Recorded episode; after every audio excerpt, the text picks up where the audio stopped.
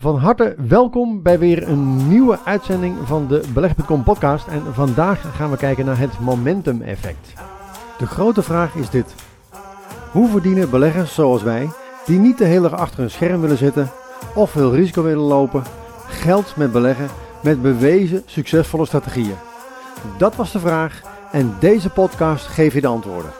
Welkom bij de Beleg.com podcast. Nou, wat is nu het momentum effect? Het momentum effect uh, treedt op wanneer aandelen in de afgelopen periode zijn gestegen, dan hebben ze de neiging om de komende periode opnieuw te stijgen. Dus koop de winnaars. En daar is heel veel uh, wetenschappelijk onderzoek uh, naar gedaan. Het treedt eigenlijk op omdat ja, het idee is dat de aandelen die het heel goed hebben gedaan in het verleden, zoals bijvoorbeeld een Google, een Amazon, een Tesla, een Facebook, over het algemeen weer goede kaart in handen hebben voor de komstige periode. Uh, en uh, bedrijven die het slecht doen, die hebben bijvoorbeeld een slecht management of een slechte markt of een slecht product, die hebben over het algemeen de neiging om in de komende periode het minder goed te doen. Dus kopen van de winnaars is een bewezen succesvolle strategie. laten we eens eventjes kijken naar de verschillende onderzoeken die daarnaar zijn uitgevoerd. Wanneer we eens gaan kijken naar de verschillende onderzoeken, dan zien we bijvoorbeeld een onderzoek uitgevoerd onder de Britse aandelen. En uh, daar is gekeken naar de stijgers van de voorgaande 12 maanden. Als we nu de uh, sterkste 20% stijgers zouden hebben gekocht uh, van de voorgaande 12 maanden en we zouden 1 pond hebben geïnvesteerd in 1900, dan was het uitgegroeid aan het einde van 2009 naar 2,3 miljoen pond. Als we daarentegen in plaats van de stijgers de 20% zwakste aandelen zouden hebben gekocht van de afgelopen 12 maanden, dan zou 1 pond gegroeid zijn naar 49 pond. Zouden we gewoon het gemiddelde hebben genomen, dus 60% middenmotors, dan zou 1 pond gestegen zijn naar zo'n 20.000 pond. Dus een verschil tussen 49 pond, 20.000 pond of 2,3 miljoen pond. Dus door alleen maar het kopen van de stijgers, de 20% stijgers van de voorgaande 12 maanden. Nou, geldt dat nu alleen voor aandelen in Engeland? Uh, nou, daar is ook een onderzoek gedaan naar uh, aandelen in de Verenigde Staten. Over een periode van uh, 1927 tot oktober 2010. En daarbij zagen we ook dat als we ook hier de top 20% zouden kopen, dan zou er een gemiddeld rendement van ruim 15% zijn ontstaan. Zouden we daarentegen de 20% minst sterke stijgers hebben gekocht, dan zou het rendement maar iets meer dan 5% zijn. Dus een duidelijk verschil ten opzichte van de winnaars van de, uh, de top 20%. De middenmotors zouden rond de 10% uitkomen. Dus een verschil van 15%, 10% of 5% dus ook in de Verenigde Staten. Ook een ander onderzoek naar aandelen in de Verenigde Staten, uitgevoerd door Kenneth French. Een uh, vrij uitgebreide database tussen 1927 en 2017 toont aan dat dat momentum effect aanwezig is. En niet alleen voor gewone aandelen, maar ook voor, er zit nog een verschil tussen grote aandelen en kleine aandelen. Bij grote aandelen, dus die met het zwakste momentum, was het gemiddelde rendement zo'n 4,9% per jaar. De aandelen, dus de grote aandelen met een momentum effect, die de afgelopen periode, dus over een periode van 12 maanden het sterkste waren gestegen, dan zou het gemiddelde rendement uitkomen op de 15,1%. Dus het verschil tussen 5% en 15%. Ook hier zagen we een verschil bij de kleinere aandelen. De kleinere aandelen met een zwak momentum deden toch nog 9,6%. En de sterkst gestegen aandelen over de voorgaande 12 maanden kwamen liefst uit op 19,7%. Dus het momentum effect is blijkbaar dus, dus nog sterker bij de wat kleinere aandelen.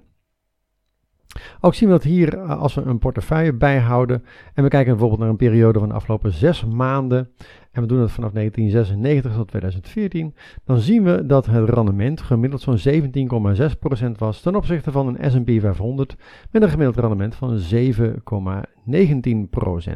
Wat ook opvalt is dat de standaardafwijking, eh, het risico dus eigenlijk, de afwijkingen van het gemiddelde, dat die bij de S&P 500 groter waren. Dus het risico bij de S&P is bovendien ook nog een keer groter.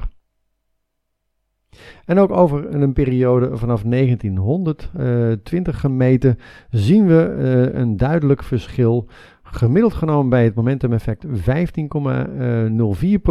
terwijl de S&P gemiddeld op 9,77%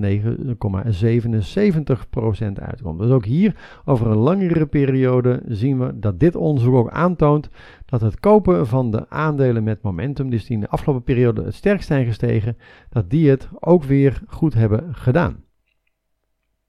En ook in uh, Nederland blijkt dat momentum effect te, uh, op de, uh, opvallend aanwezig.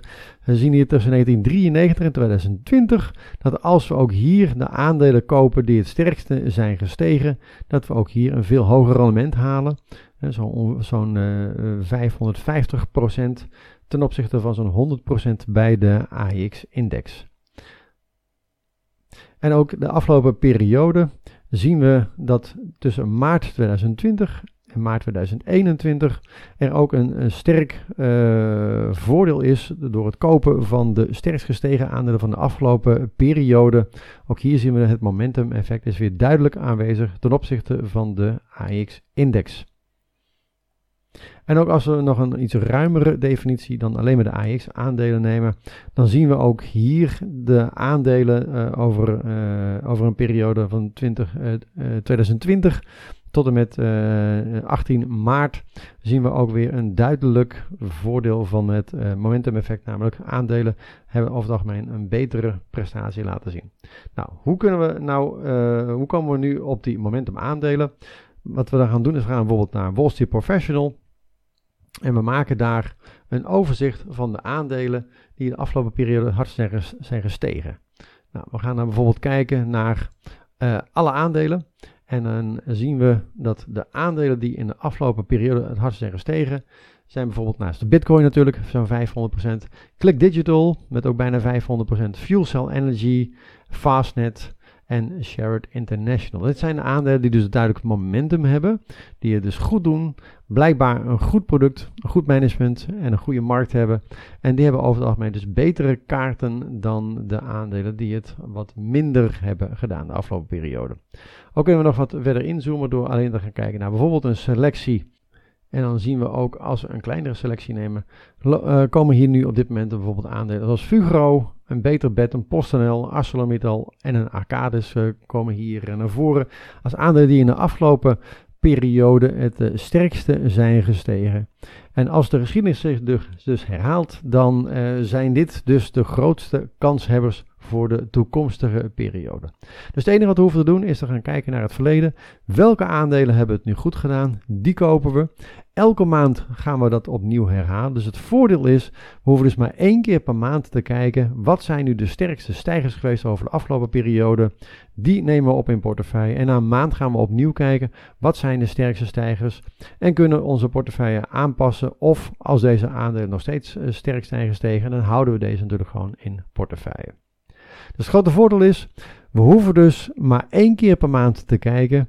We kijken naar de aandelen die het hardste zijn gestegen en we kunnen op deze manier op basis van wetenschappelijk bewezen uh, strategieën de markt verslaan. We kunnen het dus beter doen dan de markt door maar één keer per maand te kijken. Wat zijn nu de aandelen die in de afgelopen periode het hardste zijn gestegen? Wil je meer weten over beleggen?